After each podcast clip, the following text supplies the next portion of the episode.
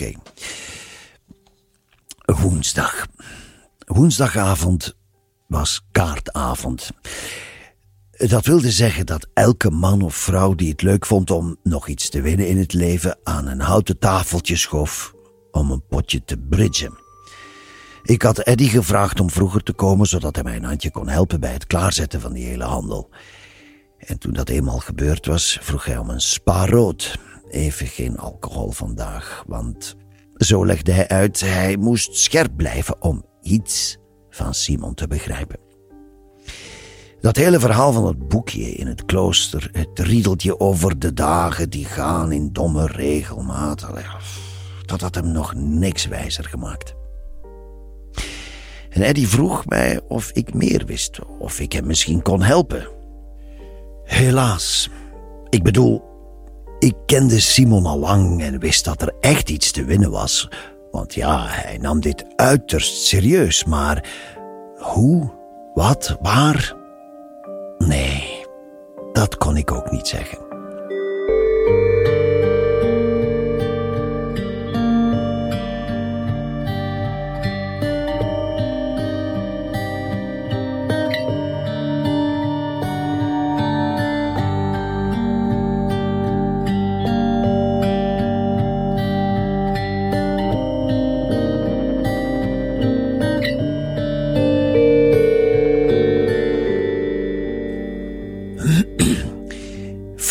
Was de volgende die binnenkwam. Weer kronkelend met dat lange lijf door die lage ingang. Kijk aan, zei ik, bijna trots. Jullie zijn er allebei, eerder dan Simon. Frank keek geïrriteerd. Hij liet zijn avondeten schieten en dat was prima hoor, maar dit gezellige weekje zuipen was tot nu toe alleen maar verwarrend geweest. Kutklooster, riep hij en hij sloeg gebroederlijk een arm om Eddie heen. Ik hoop tenminste dat er nog iets spannends met die non is gebeurd, ging Frank verder, voordat hij een, een, een, grote schaal met kaasblokjes en bitterballen bestelde. Zeg, uh, dit komt ook bij die praatjesmaker op de rekening, toch? vroeg hij. Typisch. Simon liep om zes uur binnen. Hij, hij leek teleurgesteld toen hij zijn vrienden zag. Wat nu weer? vroeg Frank. We zijn toch op tijd? Simon schudde minzaam zijn hoofd. Te vroeg, jongens. Te vroeg is niet op tijd. Ik kan hier wel zijn signalement geven. Maar dat laat ik ditmaal graag aan Eddie over, die in het voorbijgaan naar het toilet mopperde dat Simon meer en meer op een prompte professor begon te lijken. ik moest daar wel om lachen, weet ik nog. En Simon gelukkig ook. Het werd drukker in de kroeg. De kaarten kwamen op tafel. Het dorp kreeg een hartslag. En ik had zowaar iets te doen. En ondertussen probeerde ik het verhaal van Simon zo goed mogelijk te volgen. Het boekje van zijn vader met het raadsel, daar ging het om. Het lag als gezegd niet in de bibliotheek. Simon zou het in de binnentuin proberen. Nou, de binnentuin, dat was een oh, prachtig plekje. Groen, overal groen met een wandelpad en een vijver en alle kleuren vlinders. Je kan wel zeggen, precies zoals je wenst dat een binnentuin is. Hè? Simon had niet verwacht dat het boekje hier zou liggen. Maar alleen dat was juist een reden om er te gaan zoeken. De willekeur was altijd een vriend van zijn vader geweest. Goed. Simon liep rustig over het wandelpad, langs de kruiden, het bloemenperk, tot aan het midden van de tuin waar een bankje stond. En uh, nog iets, een, uh, een soort, hoe moest je het zeggen, uh, een kunstwerk dan maar. Merkwaardig, dacht Simon, want in al die jaren en al zijn bezoekjes had hij dit beeld nog niet eerder gezien. Was het mooi? Bah, nee, nee, het was iets uh, geks. Een danser op een klomp. Er stond een bordje bij met de titel van het kunstwerk. Absurde Bako Kava Toto. Dat was het. Dat was alles. Geen naam van een kunstenaar of, of een beetje een uitleg. Nee, alleen dat zinnetje. Absurde Bako Kava Toto. Simon liep terug naar het bankje en ging zitten. Maar niet zomaar, nee. Met een grote glimlach. Ja, want als dit het werk van zijn vader was, wist hij wat er stond. Nou ja, niet wat er stond, want dat zinnetje was abracadabra, maar hij begreep de bedoeling. Hè?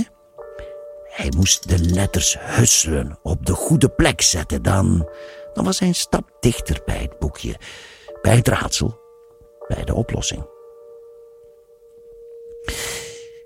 Simon haalde pen en papier op zijn kamer en nam weer plaats op het bankje in de binnentuin. Hij schreef eerst grote woorden op die, die in de zin verstopt zaten, zoals uh, advocaat, uh, Ecuador, barcode, tabasco, voetbad. Ja, eh, dat kon natuurlijk alle kanten op, dacht hij. Maar goed, er zat niks anders op dan doorzoeken. Hè? En even later las hij het woord octavo dat hem deed denken aan een toverboek uit de literatuur. En na nog wat gepuzzel kwam hij tot Octavo Duet Cobrabaas. En de Octavo Acrobaat Bus. En, en uh, Cabaret Duo Bas Octavo. Drie keer niks. Het frustreerde hem, want Simon wist dat er een diepere wijsheid, of juist simpele aanwijzing, in dit zinnetje zat. Iets wat hij later nodig kon hebben. Terwijl hij nog een poging waagde en nog een, was de non de tuin ingelopen en naast Simon op het bankje komen zitten. Lukt het? had ze gevraagd. Lukt wat? antwoordde Simon voorzichtig. Het boekje van je vader, dat zoek je toch, hè? Heb je enig idee waar het ligt? Simon kneep met zijn ogen. Wacht even, och. Ja, natuurlijk wist de non van het boekje. Zijn vader was hier toch geweest. Hij. Hij had dit kunstwerk vast in de tuin gezet. Ja, nogal wie dus. De non was op de hoogte. Ja, zij zou hem kunnen helpen. Uh, ik heb nog geen idee, zei Simon. Jij? vroeg hij. De non gaf geen antwoord. Ze keek naar het kunstwerk en las de naam van het bordje. Absurde Baco Cava Toto. Hm. Misschien is het iets met ABC? Misschien staat dat voor iets? Kan hoor, ik weet het ook niet, glimlachte ze. En net zo makkelijk als ze kwam zitten, stond ze weer op en liep naar binnen. Frank zuchtte diep. Ah, was die non er zo eentje. Ook zo'n cryptische bedweter. Waarom vertelde ze niet gewoon waar het lag? Eddie dacht hardop. Uh, misschien omdat zij dat boekje had en het niet wilde afgeven. Of, of omdat het echt kwijt was en de non het ook wilde vinden. Misschien had een andere bewoner het gevonden en, en per ongeluk meegenomen. Eddie begon spontaan over een stapel stripboeken die hij ooit per ongeluk had meegenomen uit het huis van zijn grootouders. Ja, jongen, zei Frank, daar gaat het nu toch niet om. Simon vertelde verder. Hij wist niet of de non het boekje had of, of wat ze precies wist. Dat was ook niet belangrijk. Hij wilde zelf eerst verder zoeken, want zo had hij van zijn vader geleerd. Elk raadsel sterft als het is opgelost. Geniet er daarom maar rustig van. Later op de dag had hij een lange wandeling gemaakt en, en toen hij dan s'avonds terugkeerde in het klooster, werd het eten al opgediend. Simon schoof direct aan en zag dat er een nieuwe bewoner aan tafel zat. Wat is de nieuwe regel? had hij subtiel aan de non gevraagd. Dat staat op uw kaartje. Het ligt op uw kamer, had ze gezegd. Frank riep er weer eens wat doorheen. Hoezo, uw kaartje? Waarom zo formeel? Dat was de nieuwe regel, antwoordde Simon. Er wordt op woensdag niet getutoyeerd.